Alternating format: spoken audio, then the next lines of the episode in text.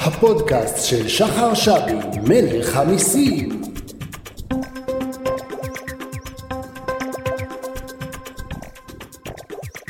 שלום לכולם, שלום לכל מאזיני פודקאסט מלך המיסים, אני שחר שבי, עורך דין ויועץ מס, סגן נשיא לשכת יועצי המס בישראל, והיום אנחנו בפרק מספר 12, פרק חשוב מאוד על השילוב בין כלכלת הבית לעסק שלנו, והיום מתארחת אצלי בתוכנית עינת תמיר, שהיא יועצת לכלכלת המשפחה, אה, יועצת משכנתאות, אה, חברה בוועדה למתן אשראי בהתאחדות אה, יועצי המשכנתאות, אמרתי את זה נכון? ועדה לקשרי בנקים. ועדה לקשרי בנקים בהתאחדות יועצי המשכנתאות.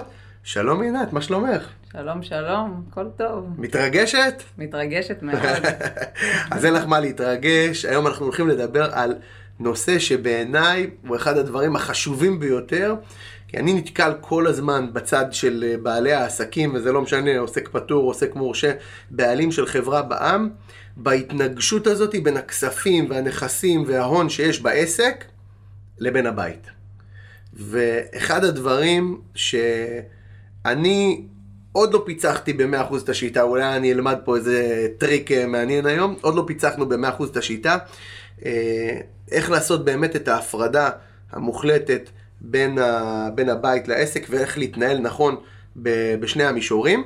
אבל לפני שנצלול לתוך, ה, לתוך המקצועי, אה, ספרי קצת על עצמך, מי את, בת כמה את, מה עשית וכולי. קדימה. אז אני עינת תמיר, אני יועצת אה, לכלכלת המשפחה קודם כל, למדתי בחברת אש לידור פילוסוף, לאחר מכן אה, הוספתי את ייעוץ המשכנתאות, ועכשיו אני נותנת אה, ממש מענה שלם למשפחות שאני מלווה. אני בת אה, 42, אימא לארבע בנות מהממות, אה, ועוסקת בתחום הזה באהבה רבה. מאוד מאוד אוהבת ללוות משפחות, להביא אותם להגשמת החלומות שלהם, והרבה מהמשפחות שאני מלווה אה, זה דווקא בעלי עסקים, ומכאן אנחנו מצאנו את הממשק המשותף המעניין בינינו. לגמרי. אז בעצם בוא נציג רגע שנייה את, את הנושא. הנושא הוא כזה. אה, בעצם כשאנחנו מנהלים עסק, והיום אנחנו נתמקד בפן של ניהול עסקים, למרות שניגע קצת אולי גם ב, ב, באנשים שהם לא, לא מנהלי עסקים, אם יהיה איזה טיפים מעניינים או משהו בסגנון. כשבעצם, כשיש לנו את העסק, ותמיד, או המון מה, מה, מהפעמים אנחנו נתקלים במצב שהכספים וההון והנכסים של העסק מתערבבים עם החסכונות והנכסים האישיים, ותמיד יש שאלות של תזרים מזומנים, ואיך לנהל את זה, וכמה להעביר משכורת, וכולי וכולי וכולי. ובאמת זה נושא שעולה אולי הכי הרבה אה, ב, אה, אה, בממשק אה, מולי. אה, ובעצם בואו ננסה רגע בפרק הזה לגעת בכמה מהטעויות הנפוצות שיש בתחום, שאני נניח כשחשבתי על הפרק, אז למשל, אחת הטעויות הנפוצות שאני נתקל בהן, וזה בעצם הבסיס אה, בעסקים, זה שעוסקים קטנים, עוסקים פטורים, עוסקים מורשים, נניח לא מפרידים בין החשבונות העסקיים לפרטיים, אז אנחנו ניגע בכל מיני טעויות אה, נפוצות. וננסה לתת אה, טיפים ודגשים על איך להתנהל נכון. אז בואו נתחיל רגע ב... בעצם למה חשוב לנו לעשות בכלל הפרדה בין הבית לעסק. יבוא אליי עוסק אה, מורשה ויגיד לי, למה אני צריך לנהל עוד חשבון בנק? למה אני צריך עוד, עוד כרטיס אשראי? למה אני צריך עוד מסגרת אשראי? למה אני צריך עוד עמלות? אה, אני מנהל את העסק ביחד עם, אה, ביחד עם הבית, וזה יכול להתנהל פנטסטי. מה, מה התשובה? למה אנחנו בעצם כל כך אה, אה, מתעקשים על הפרדה? אז קודם כל, כל ממשק צריך להתנהל בצורה נפרדת, mm-hmm. בגלל שלכל תחום יש את הדגשים שלו.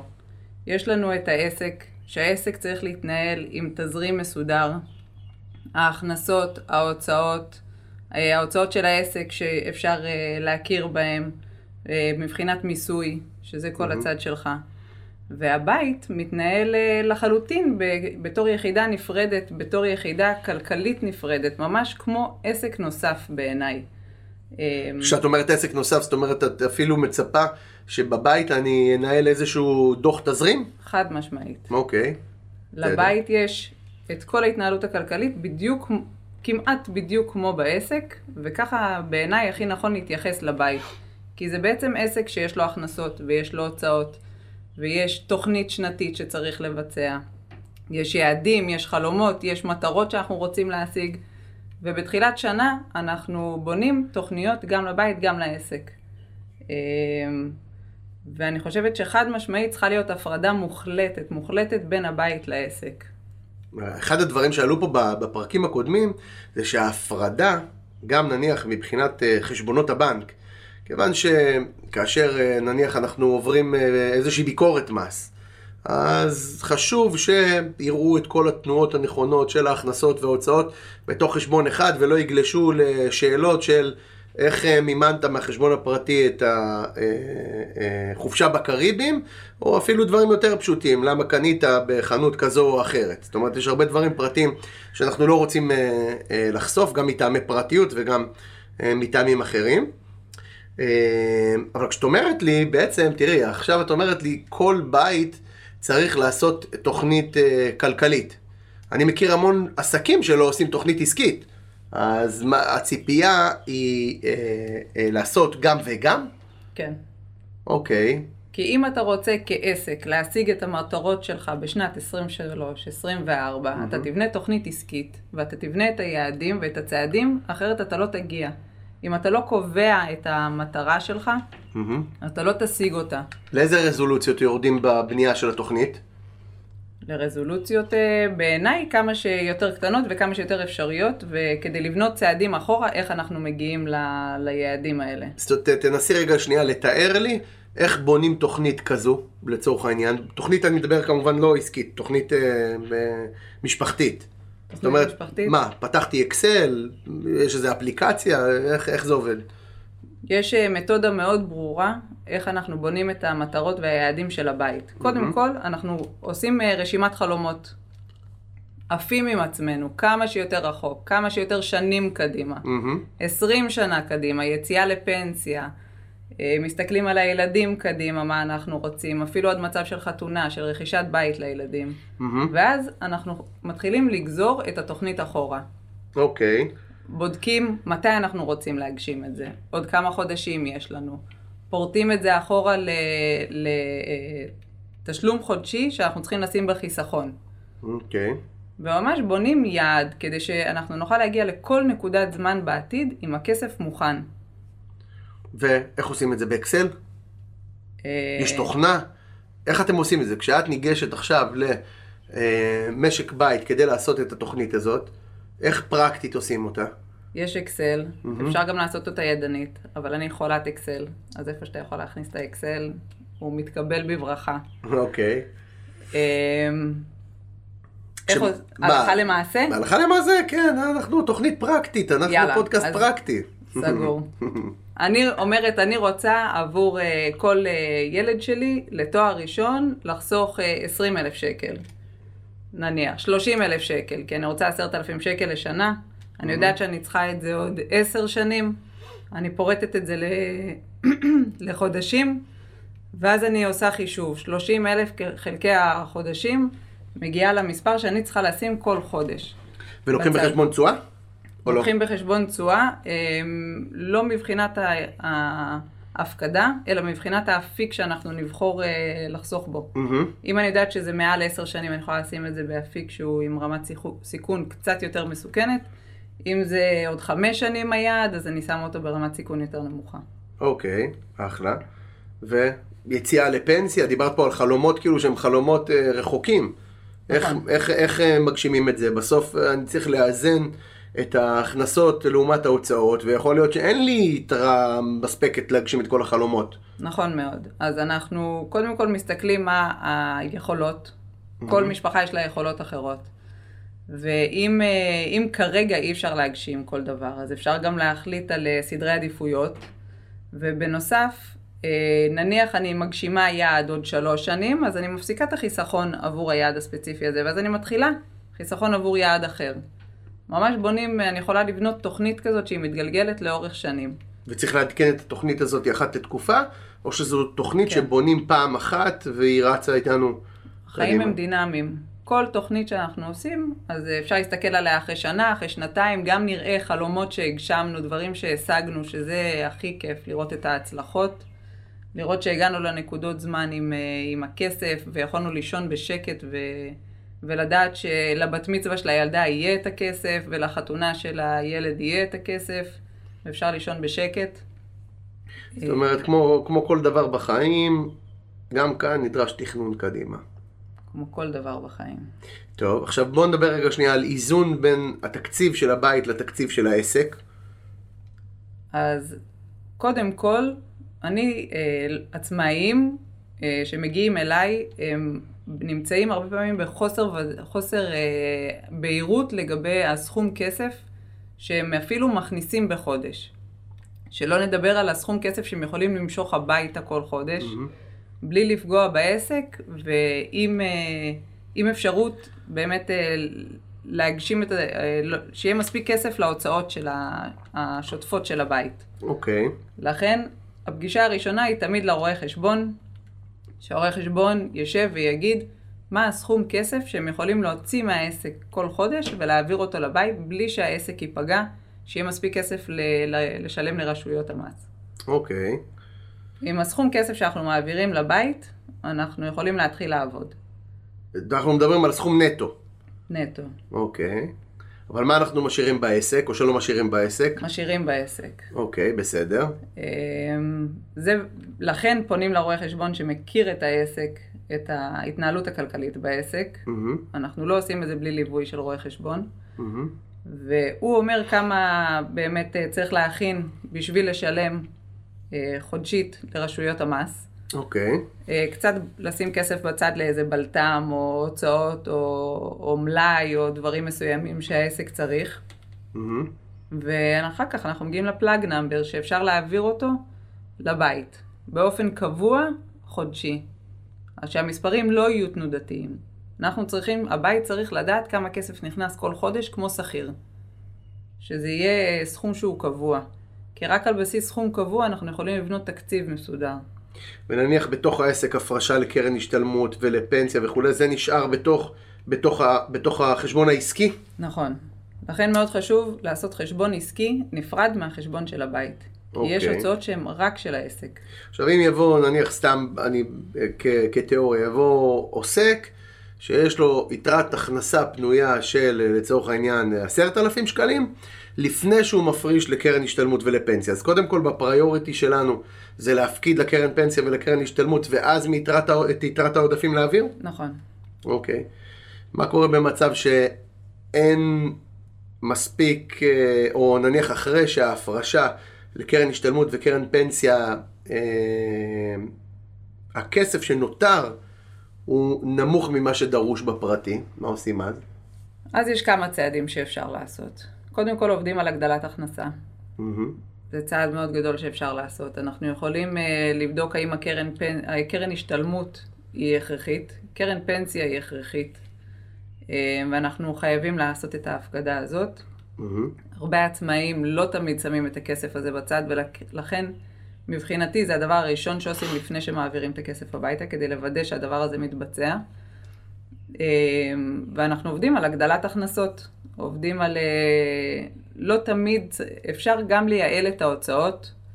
מהמם. נגיד את זה ככה, מכניסים סכום כסף, אם אנחנו רואים שהוא לא מספיק, אנחנו מסתכלים על ההוצאות אה, ורואים אם אפשר לייעל אותם, אם אפשר לשפר שם את המצב, ובמקביל גם הגדלת הכנסות. במידה ויש מוטיבציה ויש רצון. אוקיי, סבבה, אז תמשיכי. אמרת, איך מאזנים את התקציב בין הבית לעסק? דבר ראשון, ליווי של רואה חשבון, ורואים ומבינים כמה אפשר להעביר בנטו אחרי אה, כל התשלומים וההפרשות לחשבון הפרטי. מה של השלבים הבאים? ואז הכסף נכנס בעצם אה, חודשית קבוע. זאת אומרת, עושים הוראת קבע. כן, אוקיי. הוראת קבע קבועה. ואז הבית יכול, יודע עם מה הוא יכול לעבוד. כמובן שיש לנו פה אה, או הכנסה אחת או שתיים, ואנחנו עובדים עם, אה, עם ההכנסה אה, נטו של שני בני הזוג. אה, דבר ראשון, מסתכלים על, ה, על ההוצאות. תמיד כל תהליך, אצלי תהליך אה, של ליווי כלכלי מתחיל ב, במטרות הגדולות שנותנות את המוטיבציה, לאן אנחנו רוצים להגיע. השלב השני זה תמיד להסתכל על ההוצאות של הבית. ההוצאות של הבית בעצם מספרות לנו את הסיפור, את ההרגלים של האנשים, את הערכים שהם אה, רוכשים, את החלומות שלהם, את הדברים שחשובים להם. Mm-hmm. כי אה, אני, לא, אני לא מאמינה בלהגיד לזוג מסוים, אתם צריכים להוציא X כסף על סעיף X. כל משפחה יש לה את הדברים שחשובים לה, את הדברים שהם אה, אה, יותר הכרחיים ופחות הכרחיים, וזה מאוד מאוד משתנה ממשפחה למשפחה. אז אה, אנחנו מסתכלים על ההוצאות, בונים ממוצע של ההיסטוריה של ההוצאות, ומבינים מה הצרכים, מה הרצונות. עכשיו, ברגע שאנחנו מסתכלים על ההוצאות, יש תגליות של אה, דברים ש, שאנשים אפילו לא ידעו ש, שמשלמים עליהם.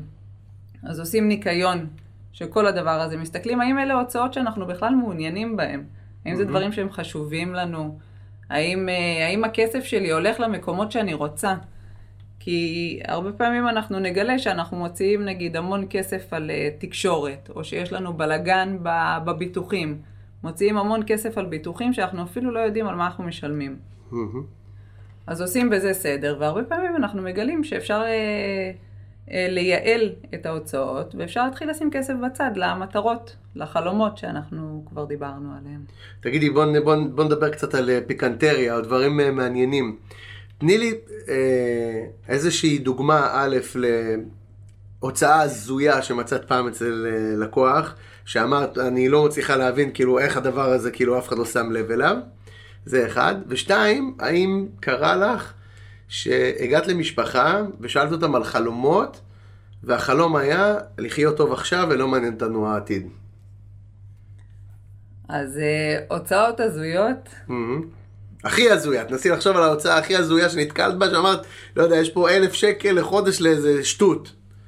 או, זה קורה על בסיס קודם כל יומיומי, כי מה שאני חושבת שצריך להוציא עליו אה, זה לא מה שכולם חושבים, mm-hmm. אבל uh, הייתה לי משפחה שפשוט הוציאה קרוב לעשרת אלפים שקל על אוכל. וואלה. שאני באמת לא הבנתי מה רוכשים בכל כך הרבה כסף. ובטח הם היו מה זה רזים, נכון? את האמת. רזים. משפחה. חטובה. חטובה ואומרת, אנחנו לא יודעים איך, אה, איך אפשר לייעל את זה. זה. זה תמיד קורה, כאילו, זה תמיד קורה. ל, ל... את רואה אותם כולם חטובים, יפים, ספורטיביים, אבל... עשרת אלפים שקל, יפה. טוב, ונתקלת, יצא לך להתקל כאילו במשפחה שאמרה לך, פנסיה, חלומות, זה אחלה, אנחנו רוצים ליהנות עכשיו. האמת שאני חושבת שהמשפחות האלה לא היו מגיעות אליי. כי הן רוצות עכשיו לשפר את המצב, הן רוצות, אה, הן רוצות בשביל הילד... הרבה פעמים בשביל הילדים. זאת אומרת, מהניסיון שלך, מי שפונה לדבר הזה זה דווקא אנשים שרוצים אה, לתכנן קדימה, כי הם חרדים מה יהיה בעתיד, איך אני אממן חתונה, איך אני אקנה דירה לילדים, איך אני אחסוך לבת מצווה וכולי וכולי? בדיוק. הרבה באים משם. שם דווקא מתעורר פתאום. אה, היה לקוח שאומר לי, אני צריך לחתן את הילדה עוד אה, שנתיים, איך אני חוסך 50 אלף שקל עכשיו? אמרתי לו, היינו צריכים אה, לחשוב על זה לפני כמה שנים. ככל שמתחילים יותר מוקדם, יותר טוב. Mm-hmm. ועצמאים, הרבה עצמאים שרואים את הסלט הזה שנוצר להם, ופשוט רוצים, אה, רוצים להבין איך, איך, איך אה, מתנהלים. אז תראי, יש, בהיבט הזה אני חייב להגיד שעצמאים זה לא כזה מדע מדויק, כי שכיר יודע בדיוק, או יכול לצפות בדיוק כמה יהיה הנטו שלו. נכון. עכשיו, אצל עצמאים הרבה פעמים יש תנודות בהכנסות, בהוצאות וכולי, אבל גם את זה אנחנו יודעים לצפות. אה, שני דברים שהם קשים לפענוח בהיבט הזה של העצמאים, זה אחד, הנושא של מס הכנסה וביטוח לאומי, תשלומי רשויות, כי בגלל שיש תנודות בין חודשים, אז נורא קשה לשערך כמה יהיה המס הסופי בהגשת הדוח, וגם כנ"ל לגבי ביטוח לאומי. עכשיו, לצערי אני אומר את זה, רוב רואי החשבון ויועצי המס שאני מכיר, עושים את הבדיקה של המקדמות, של המס הכנסה וביטוח לאומי, אחת לתקופה, אחת לחצי שנה, או אפילו אחת לשנה. אני למשל, אצלי במשרד, גיליתי שבנושא הזה צריך לעשות בדיקות שהן חודשיות או דו-חודשיות, ולכן אני לכל הלקוחות שהם לקוחות שוטפים, אני עושה בדיקה של מקדמות אחת לחודשיים. גם של מס הכנסה וגם ביטוח לאומי. ולא רק זה, אני אתן פה עוד טיפ, אגב, כלכלת משפחה, ניהול עסק וכולי. נתתי את הטיפ הזה אה, בעבר בפרקים הקודמים, ואני חושב שהוא טיפ חשוב מאוד ודרמטי. את יודעת מה? סדרת טיפים. אחד, להתעקש שבדיקת המקדמות תהיה אחת, לחוד... אחת לחודש או אחת לחודשיים, תלוי אם אתה חד חודשי או דו חודשי. אגב, זה כנראה עולה יותר. זאת אומרת, יכול מאוד להיות שתלך לרואה חשבון סלאש יועץ מס, עסק קטן, שוב, אני לא מדבר על עוסקים פטורים, דווקא על עוסקים מורשים וחברות בעם, כי עוסקים פטורים, מטבע הדברים, הם מדווחים פעם בשנה, אז uh, בנושא הזה זה קצת פחות, uh, פחות uh, דרמטי, למרות שהיום התקרה של עוסק פטור כבר הפכה להיות uh, די גבוהה, אז זה משהו שאולי גם צריך לחשוב עליו.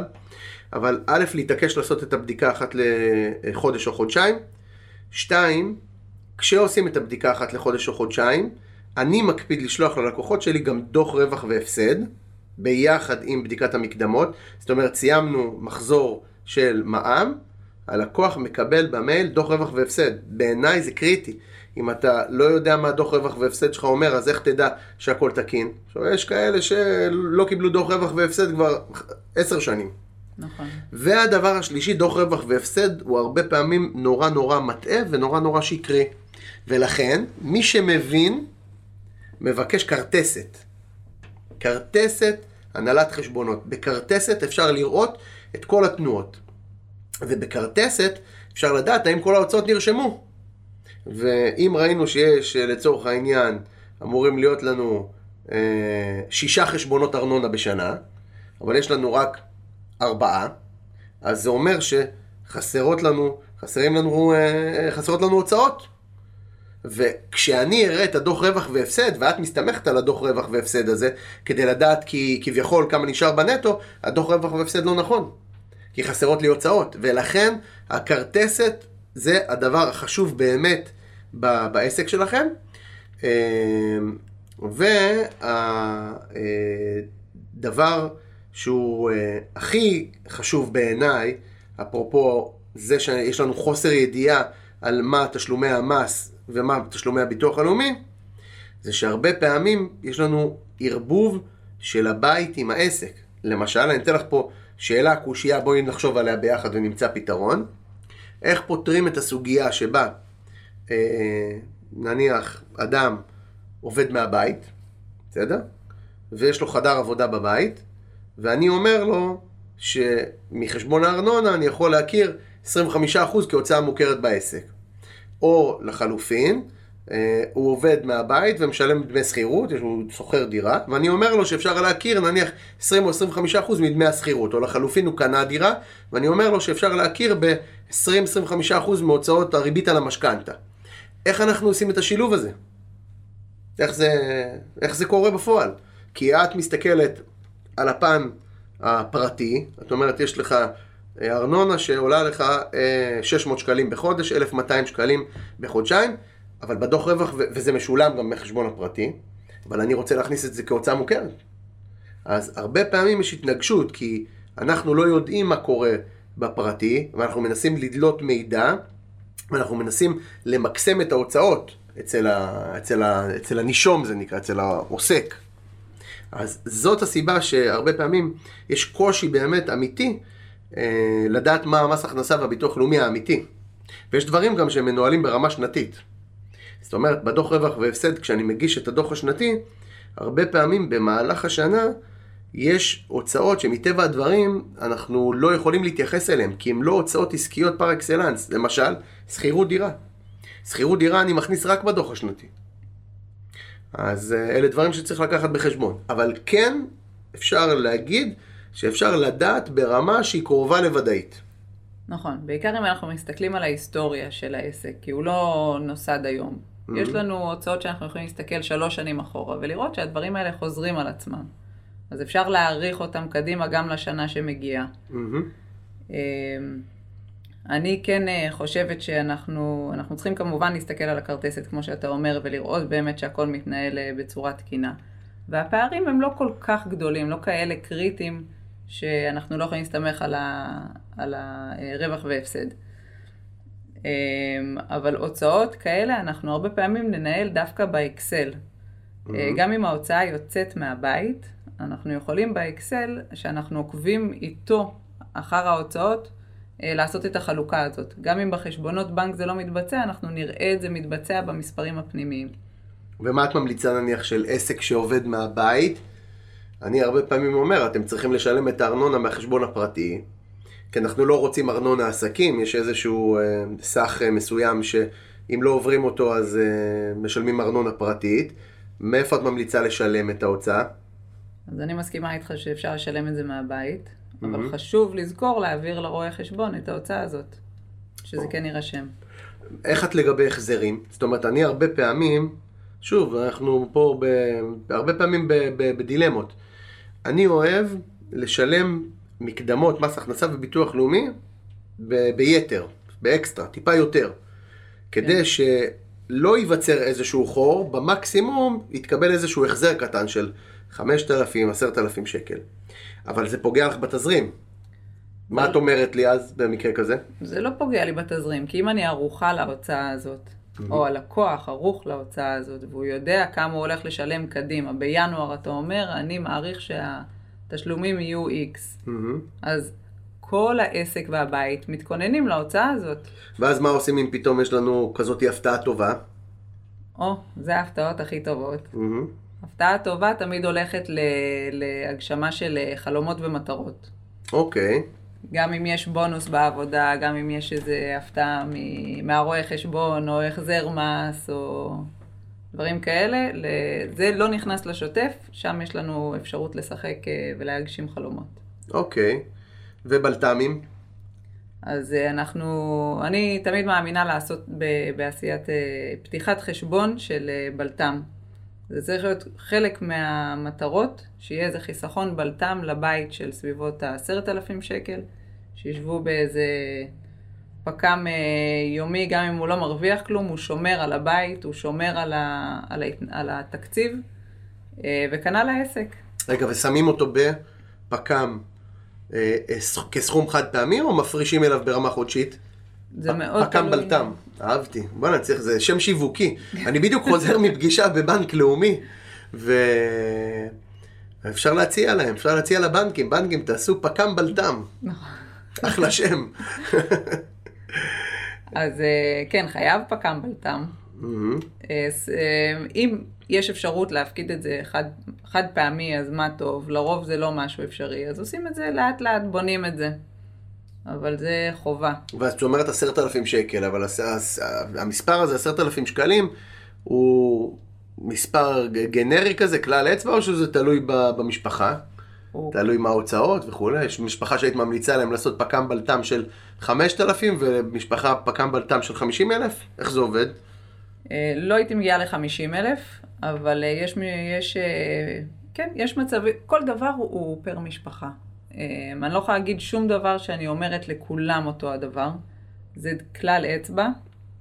אה, נגיד אה, רווקים בלי ילדים יכולים אה, להסתפק בסכום שהוא קצת יותר נמוך. משפחה עם, אה, עם הרבה נפשות או עם הכנסות שהן פחות יציבות, הייתי שמה סכום קצת יותר גבוה, שיהיה כרית ביטחון. כשאני קיבלתי לפני שבועיים את הדוחות מ- מחברת הביטוח על החיסכון לכל ילד. איפה אתם לוקחים את זה בחשבון? זה נכנס בתוך החסכונות שרוצים לילדים, אז אני מפחיתה את הסכום. אם עושים 50 שקל או 100 שקל לחודש, אז אפשר להפחית את זה מהתשלום החודשי. זאת אומרת שאנחנו, זה משהו שכבר. הפך להיות בסטנדרט, זה- ויש שם סכומים לא מבוטלים. נכון? אמנם השנה היו הפסדים בהרבה מקומות, נכון, אבל... אה, אבל בשנה הקודמת היו רווחים מאוד גבוהים. נכון מאוד. זה אפיק מאוד מאוד חשוב. אם כבר פתחת את הנושא הזה, אני אגיד מילה שתיים. אה, הורים שמאוד חשוב אה, כן לשים שם את, ה, את דעתכם. להגדיל את ההפקדה ל-100 שקל ולשים את זה באפיקים נכונים ולא סתם בבנק. טיפ מדהים.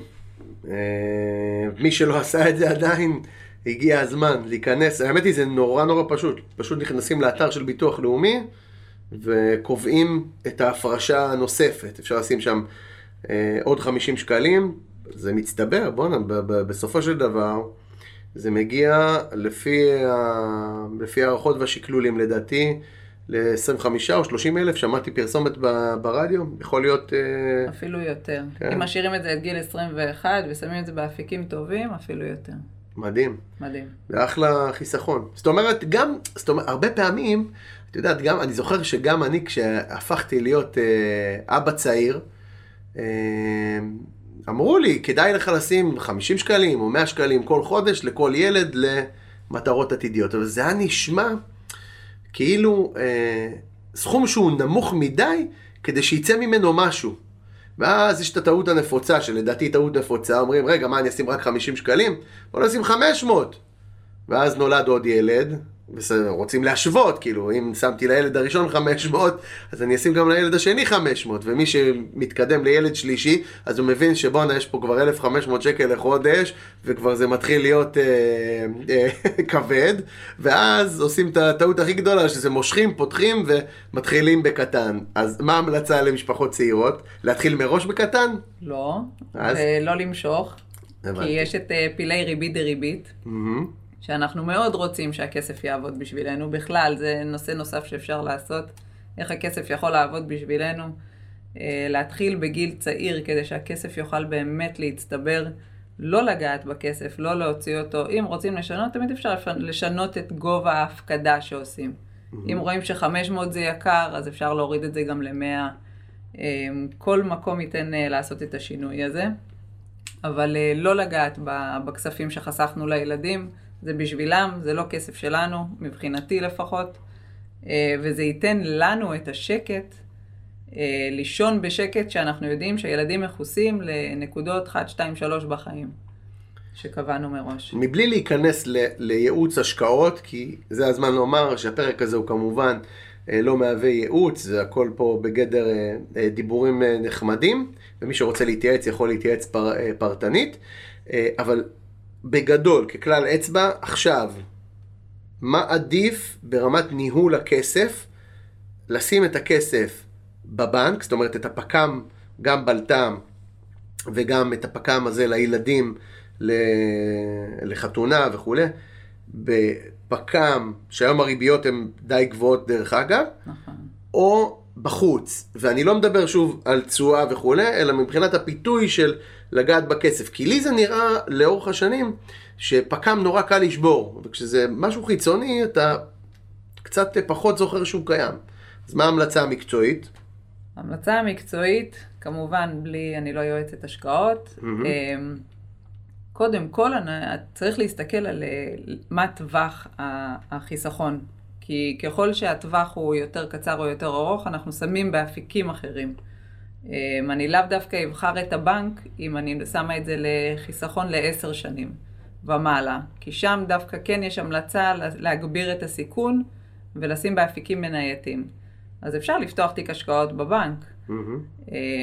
אם זה אפיק שהוא, אם אנחנו צריכים חיסכון שהוא פחות משנה חד משמעית לשים בפיקדון בבנק, ובין אה, שנה לעשר שנים יש הרבה אופציות. יש קופת גמל להשקעה, יש לנו קרנות השתלמות שאפשר לחסוך בהן, יש הרבה הרבה אפיקים שאפשר אה, לגעת בהם, אבל קודם כל לדעת עבור מה אנחנו חוסכים. לא סתם לשים כסף בצד, להגדיר מה אנחנו רוצים שהכסף הזה יעשה בשבילנו. תגידי, מה התפקיד של קרן השתלמות בעינייך? המטרה האידיאלית זה להגדיל את הפנסיה, בעיניי. אה, לא תמיד אנשים אה, מצליחים להתאפק ולהגיע עד הפנסיה. מי שיכול אה, לעשות הפקדה חודשית ולשמר את החיסכון הזה לפנסיה, יוכל לצאת לפנסיה הרבה יותר נעימה ומרווחת. כמובן בגלל שיש לנו פה, אין צורך לשלם את המס על הרווחי הון, אז אפשר להגיע פה לתשואות מאוד יפות וחסכונות מאוד יפים. זה בעיניי התפקיד האידיאלי. חוץ מזה, מבחינתי זה שומר ראש של, ה, של הבית. זה חיסכון שהוא לא בלטם, זה חיסכון שהוא לאורך זמן, כי הוא צריך להיות מעל שש שנים, על מנת שאנחנו נגיע לנזילות, אבל הוא יכול לאפשר כל מיני דברים. אה, גם אם אנחנו מגיעים למצב שצריך פתאום כסף אה, דחוף וסכומים שהם אה, לא קטנים, אבל גם אנשים משתמשים בזה, שאני לא מאמינה שצריך, אבל לבניית בית, עם... מאוד תלוי ספציפית פר משפחה, אבל האידיאל מבחינתי זה לפנסיה. האידיאל מבחינתי זה לפנסיה מוקדמת, או. קרן השתלמות. הרמת. זאת אומרת, למה לחכות עד גיל 67? בוא נחסוך כמו בני אדם, מגיל 20 עד גיל 50, 30 שנה בקרן השתלמות, קרוב ל-20 אלף שקל לעצמאי היום, התקרה עלתה מ-18 היסטורית, כבר הגיעה היום לכמעט 20. נכון. 19, 900 וקצת, מדהים, 20 אלף שקל לשנה, 20 שנות עבודה, תשואה מדהימה לאורך שנים, הכל פטור ממס. אני רוצה בגיל 50 לצאת לפנסיה. מושלם. מגיל 50 נתחיל, זה מה שנקרא ב- ב- בשפה המקצועית פנסיית גישור. לגשר על התקופה שהיא מגיל 50, 55, 60, עד גיל 67, שזה גיל הפנסיה החוקי. אז אה, אם את שואלת אותי, בעיניי קרן השתלמות זה לא תמיד מצליח, כן? כן. אבל בעיניי האידיאל זה לפנסיה מוקדמת. מהמם, אימצתי. כן, לגמרי. טוב, עכשיו אה, בואו נדבר רגע אה, על משהו שהוא מאוד מאוד חשוב. אז דיברנו על בלטם, זה היה באמת מעניין וחשוב. יש לנו פינה שנקראת הכה את המומחה. במסגרת תוכניתנו הכה את המומחה נמצא איתנו כאן באולפן המומחה שלנו. כן, כן, זוהי השאלה, מהי הפינה? זוהי הפינה, מה השאלה? אבל אני רוצה לתת לך אה, חידה. מה עדיף, הלוואה מהפרטי או הלוואה מהעסקי? מה דעתך? זו שאלה מורכבת. בגלל זה זה הקטע מומחה. אמ, מה מטרת ההלוואה?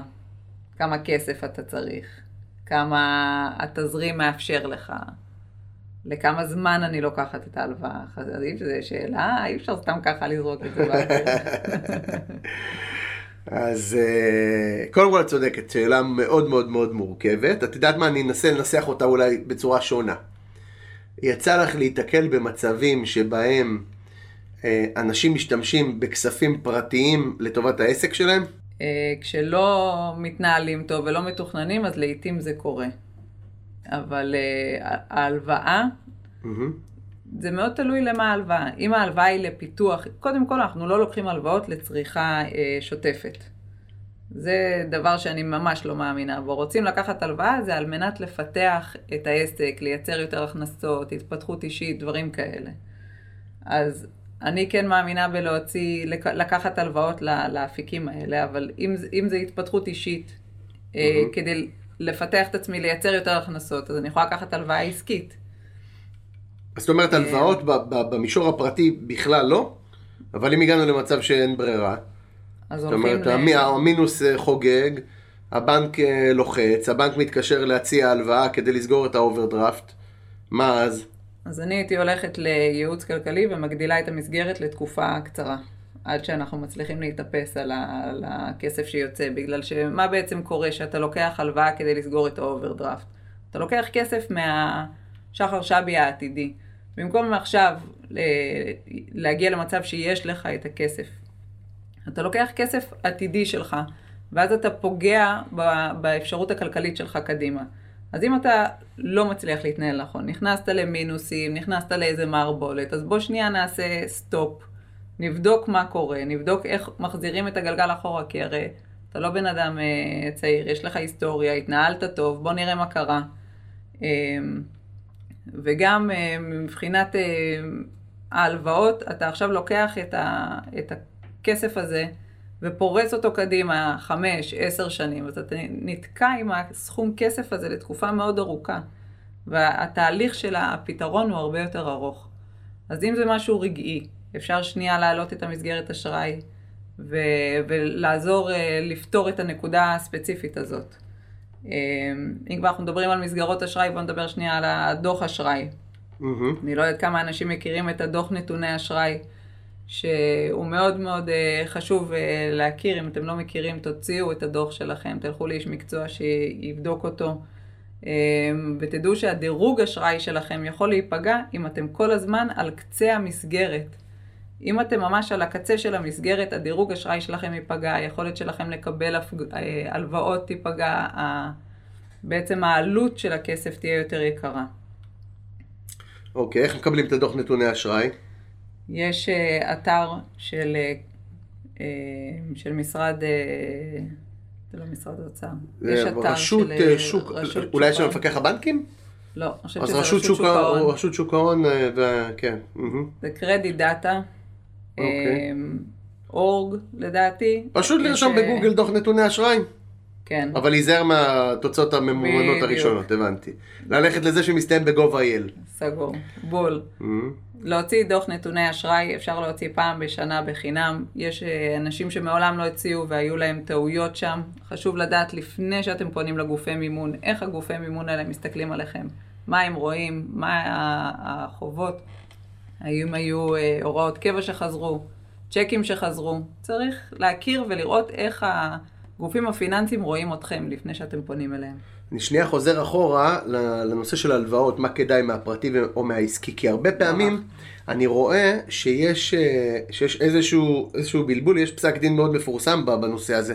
הרי אם אני בעצם מרוויח בעסק, בסדר, נניח אני מרוויח חצי מיליון שקל בשנה בעסק, הכסף הזה הוא כסף שלי לצריכה פרטית, זאת אומרת, אם אני מעביר את מלוא הרווח לפרטי, ועכשיו אני רוצה לקחת הלוואה בעסקי, אז הוצאות המימון יהיו מוכרות לי. היה על זה פסק דין, מס הכנסה טען שיש לך חצי מיליון שקל רווחים, אז תשקיע את הרווחים בחזרה בעסק, ולמה תיקח אה, הלוואה? למה אנחנו נכיר לך בהוצאות המימון? ויש פסק דין אה, מאוד מפורש של בית המשפט שקובע שעם הרווחים בעסק אפשר לעשות מה שרוצים, אפשר גם לקחת את הכסף ולפזר אותו בשטרות ממגדלי עזריאלי, כמובן צריך לעמוד בחוק המזומן, ואז ההלוואה היא אה, אה, מוכרת בעסק. אבל מה הדילמה? הדילמה שהלוואות עסקיות הן בדרך כלל גבוהות מהלוואות פרטיות. זאת אומרת, אם אני לוקח הלוואה, בדרך כלל, שוב, כמובן שזה,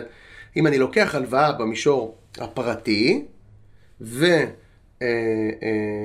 ולעומת הלוואה ב- ב- בחשבון העסקי שלי, בחשבון העסקי כנראה שהריבית תהיה גבוהה יותר.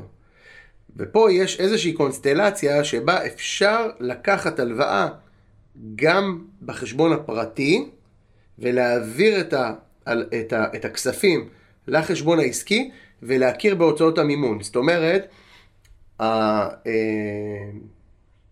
האינסטינקט שלי להגיד כדאי לקחת מהחשבון העסקי כי כל הוצאות המימון הן מוכרות וכולי, זה האינסטינקט, אבל כדאי שאנשים יכירו שגם אם יש לנו פתאום איזושהי הלוואה בתנאים טובים כי אני חבר באיזשהו איגוד או התאגדות בחשבון הפרטי שלי, עדיין אם לקחתי ושייכתי את ההלוואה הזו לטובת הצרכים העסקיים שלי, אני אוכל להכיר בהוצאות המימון גם בעסק, וזה סופר סופר חשוב, כי הרבה פעמים אני נתקל באנשים שבאים ואומרים, לא, זאת הלוואה שלקחתי דרך ההסתדרות, ה-whatever, וזה לא קשור לעסק, אבל בפועל אני רואה תנועה של כל ההלוואה שעוברת לחשבון העסקי.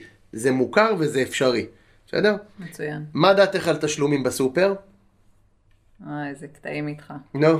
השבוע, השבוע הייתי בסופר, הקופאית שואלת אותי, תשלומים? לפרוס לתשלומים? אז אמרתי לה, לא.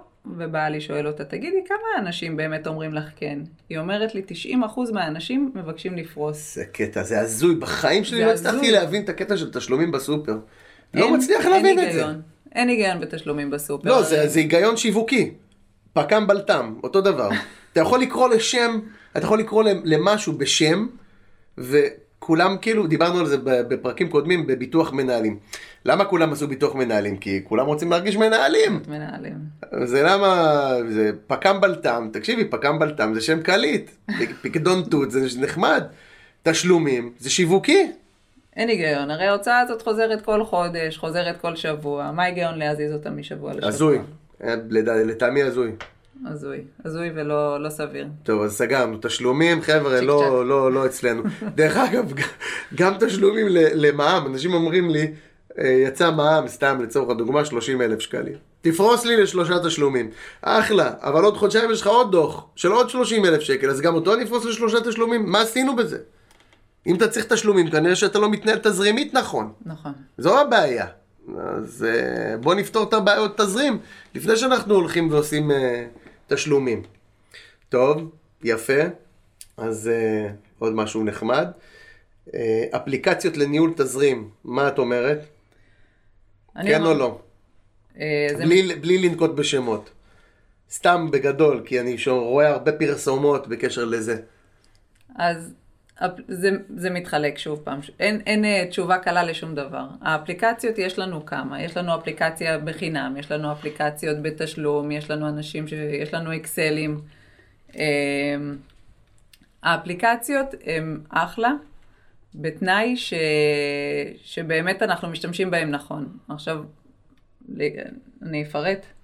יש לנו אפליקציות שהם, אה, שנכנסים בתוך הנתונים הכלכליים, נותנים את כל הסיסמאות והם בעצם עושים את כל העבודה בשבילנו. אבל אמ, אפליקציות, ויש לנו אפליקציות שאנחנו מזינים את הנתונים. עכשיו, כל עוד האפליקציה היא אפליקציה שאנחנו משתמשים בה, וזאת אפליקציה ש, שעוזרת לנו לנהל את הכסף, אז אחלה, אז ההוצאה הזאת היא, היא שווה. ההוצאה הזאת היא, היא הוצאה ש, שתהיה טובה לנו. אבל אמ, במידה ויש לנו אפליקציה שאנחנו לא משתמשים בה, אז חבל על ההוצאה הזאת. אבל יש אנשים שחייבים את האפליקציות והם עוזרים להם לסדר את, ה, את ההוצאות, חבל על הזמן. אוקיי, אחלה. אה, קצת על עליית ריבית, מה, איך זה משפיע עלינו, מה זה עושה, נתקלת באיזה מקרה קיצוני של החזר אה, שעלה באלפים, או שזה מינורי? כן. כן? כן. משפחה ממוצעת של המשכנתה, ההחזר עלה ב-1,000-1,500 שקל לחודש. וואו. והיום וואו. פגשתי, היום פגשתי מישהו שהוא אה, עלה לו בקרוב ל-4,000 שקל לחודש. וואו. עכשיו זה מצב שהוא, כי, כי הוא מאלה שלקחו את השני שליש פריים, ואלה שלקחו את השני שליש פריים חטפו אה, חבל על הזמן, אבל יש פתרונות, יש פתרונות לדברים האלה, לא צריך להגיע למצב שנכנסים למערבולת כלכלית. אפשר למחזר כאילו? זה קל למחזר כאילו היום? אפשר ממש אבל מה הריבית הקבועה? וואו, אני, ל- ל- ל- זה מטורף, באמת. מי שלקח שני שליש, זה זה דרמטי. לגמרי. זה אתגר גדול, מאוד. אה, אפשר למחזר, הבנקים עכשיו ממש באים אה, לקראת הלקוחות, אפשר גם למחזר דרגה שנייה לבנק אחר. יש כל מיני פתרונות יצירתיים, הבנקים באים לקראת הלקוחות ורוצים אה, לתת פתרונות. אה, אבל הריבית משפיעה על- עלינו בכל התחומים, גם במינוסים וגם בהלוואות וגם במשכנתאות. אה, הריבית מאוד משפיעה על המשק. האמת היא כן, וואו, מדהים. מצד שני, למי שיש כסף לשים בפק"ם, פתאום פק"ם נותן תשואה של חמישה אחוז. נכון. שזה שנים לא היה כאן, ודרך אגב גם על פק"מים יש, יש הטבות מס, אז בכלל, אה, בכלל יכול להיות אה, זה. אתה רואה את חצי הכוס המלאה. אני רואה את חצי הכוס המלאה, אני אומר שלפעמים אפשר לקחת את הנושא הזה של עליית ריבית, ואת יודעת מה, באיזשהו מקום אני גם חושב שאולי צריך טיפה להנמיך את ההתלהבות שהייתה פה בשנים האחרונות. בשנים האחרונות אנשים הגזימו, אנשים מינפו עצמם לדעת, אנשים לקחו הלוואות כדי להשקיע כסף בשוק ההון, נכון. כיוון שהכסף היה כל כך זול, ואנשים לקחו לעצמם סיכונים שהם היו סיכונים גדולים וגבוהים מדי, אז אולי באמת צריך טיפה להנמיך את הלהבות. אני לא נותן פה איזושהי אג'נדה בעד או נגד, בסוף אה, זה כלי מוניטרי כדי לעצור את האינפלציה. אה, אבל אה, יכול מאוד להיות שזה ימתן טיפה. את יודעת, רואים את זה בשוק הרכב. פעם כל אה, אדם שרצה להריח ריח חדש, היה נכנס לסוכנות, מקבל מימון בפריים מינוס משהו, ויוצא עם רכב חדש. אני חושב שנתתי את הדוגמה הזאת באחד הפרקים הקודמים, ואני רציתי להחליף, אה, נגמר לי הליסינג, אני עושה ליסינג עצמאי, נגמר לי הליסינג, ופתאום ההחזר החודשי היה נראה לי כל כך גבוה, שאמרתי, רגע, רגע, סטופ, הרכב עדיין חדש, יפה, נחמד, בוא נמשוך עוד שנה. ויכול להיות שבסוף זה משיג את המטרה. והמטרה היא טיפה להרגיע את הצריכה. להרגיע. זה המטרה של עליית הריבית. כן.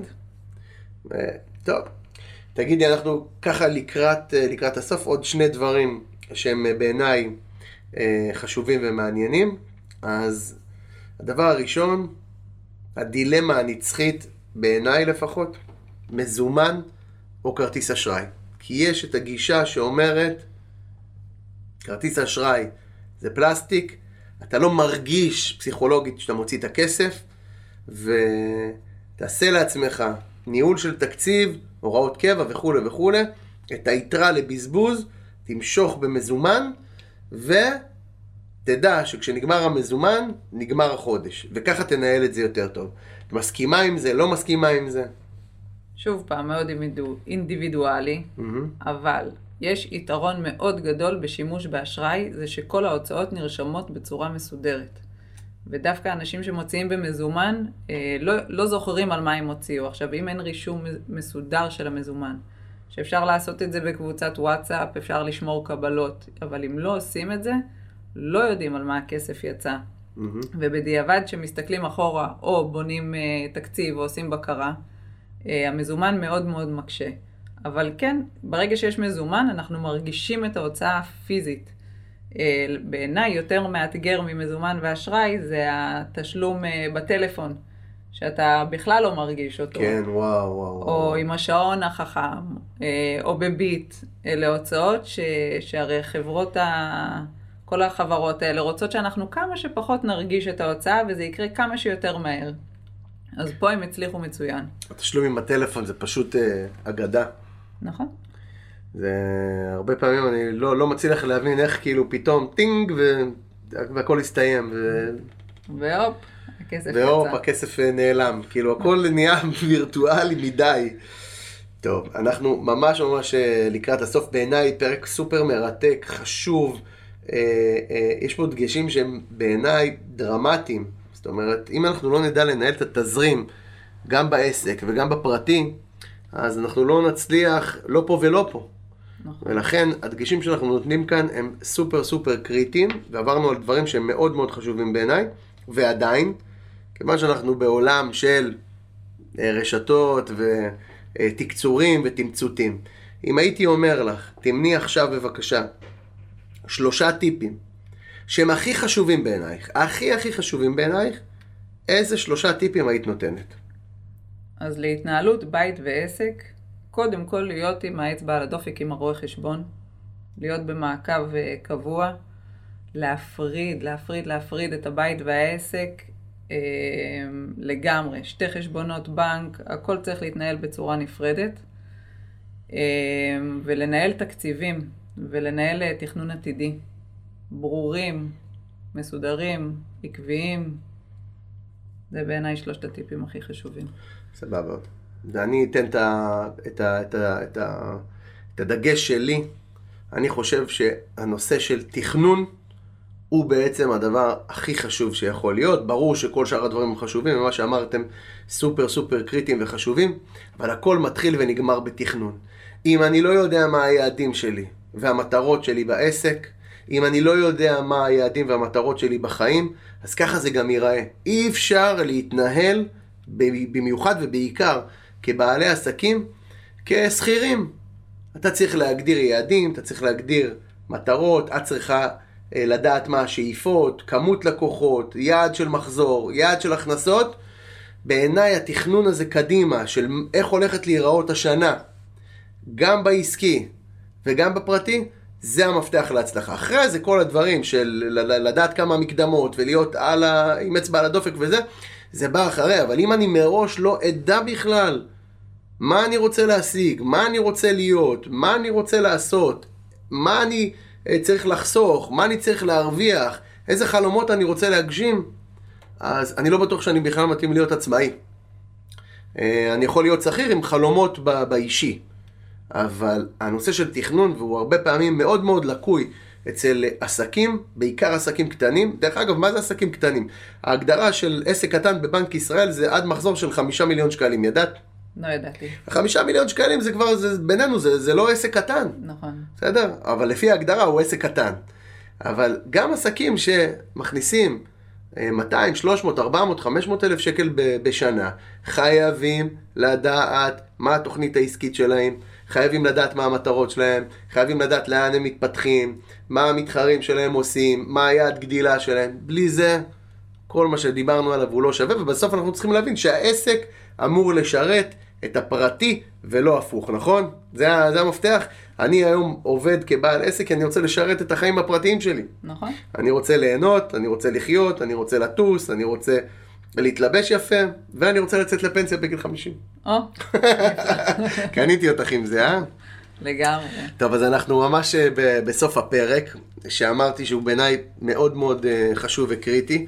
איך את מסכמת את הדברים? איך את מסכמת את הפרק? היה כיף? היה אחלה. אפילו אני למדתי פה כמה דברים. יש אה, הרבה, אנחנו תמיד לומדים, אני אומר שה, שה, שהפודקאסט הזה הוא, הוא מלמד, הוא מפרה, וכל אה, אותם אלו שמאזינים לנו, אה, תלמדו, אה, תפרו את עצמכם, אבל הכי חשוב שגם תפרו את החברים שלכם, ואת המשפחה שלכם, ותפיצו את הפרק. שכמובן משודר גם בספוטיפיי וגם באפל ובכל האפליקציות אה, הפודקאסטים המובילות. אתם יכולים לעקוב אחריי בטיק טוק, באינסטגרם, בפייסבוק, ביוטיוב, שחר שבי, אשטג מלך המיסים. תפרסמו את, ה, את הפרק הזה, הוא חשוב מאוד מאוד מאוד גם לבעלי עסקים וגם מי שיש לו כל מיני, אתם יודעים, אה, אה, התנהלויות לא תקינות אה, בפרטי. הידע הזה שווה הרבה כסף והרבה הרבה כוח. תודה רבה לעינת תמיר, היה לי העונג. מילת סיכום שלך? תודה רבה לך, תודה שהזמנת אותי. יפה. היה אחלה.